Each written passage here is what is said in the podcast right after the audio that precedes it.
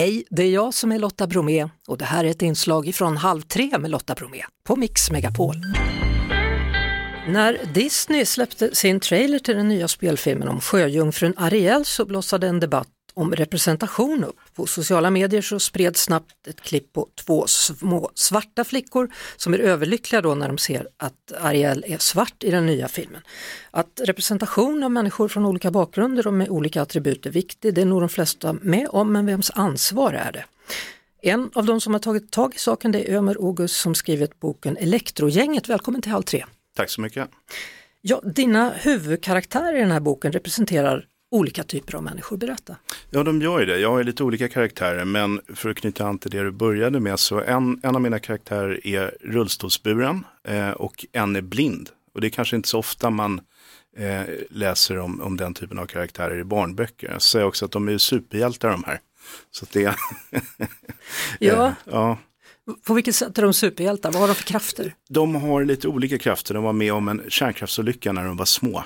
Varför, så det är lite så här, Mio min Mio möter X-Men. De är föräldralösa också. Eh, så, bara, så att de letar efter mening och mål i livet. Men om man tar Simon då som är rullstolsburen så är hans eh, kraft att han kan sväva. Men han kan egentligen bara sväva upp och ner. Det är ganska onödigt. Man, man kommer bara upp eller ner. Men då har de byggt en, en rullstol till honom med raketmotorer där bak. Eh, så han kan ju flyga och då är han ju bokens både snabbaste och smidigaste karaktär.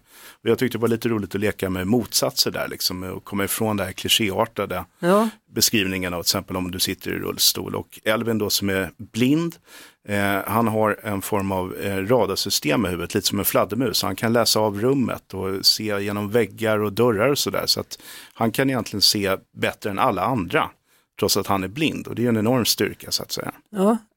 Kul, det låter spännande. Ja, det är, det är en ganska fartfylld bok. Den är filmisk har den väl beskrivits som. Jag, action, jag gillar själv när det händer mycket saker. ja, och, de, och de träffas till slut alla de här superhjältarna då? Ja, för de flyttar exakt. in i samma de, fosterfamilj här? Ja, de bor tillsammans med sin mystiska fostermamma mm. då i ett, i ett märkligt hus. Och de, efter ett tag så får de ju reda på att allt de har fått veta om sina liv har varit en lögn. Och en dag så dyker ett hot från deras förflutna upp. Och sen blir det såklart en kamp på liv och död där deras krafter prövas till max. Du vet ju själv då hur det är att växa upp utan representation i, i kulturen. Hur, hur var det? Jo, nej, men det, det är liksom, jag tror att det är superviktigt för, för unga personer, både i film och böcker. Men jag, jag kan ta två exempel. Min dotter till exempel, vi fick ju en kvinnlig statsminister här för ett tag sedan, det, efter hundra år plus och så. Och hon, eh, hon sa ju, frågade mig så här, går det? Hon fattar ju intellektuellt att andra länder har det där, men i Sverige så tänkte hon så här, ja det är klart det funkar. Och, och jag har ju ett litet annorlunda namn, så att när jag växte upp så fanns det ju liksom inte direkt jättemånga hjältar som hade min bakgrund då, min pappa är från Turkiet, eh, eller min typ av namn. Så det, och det är ett minne som satt sig ganska starkt hos mig faktiskt. Så att det, det är liksom... Vad är det som gör att det är så viktigt att man känner igen sig i kulturen? Jag tror att det är viktigt för att ge unga människor eh, självförtroende, drömmar och liksom någonting att aspirera till att man kan bli som dem. Jag menar, okej, okay, när jag var tio så ville jag bli superhjälte, det kanske inte är realistiskt, men det, det fanns ändå där. Va, liksom.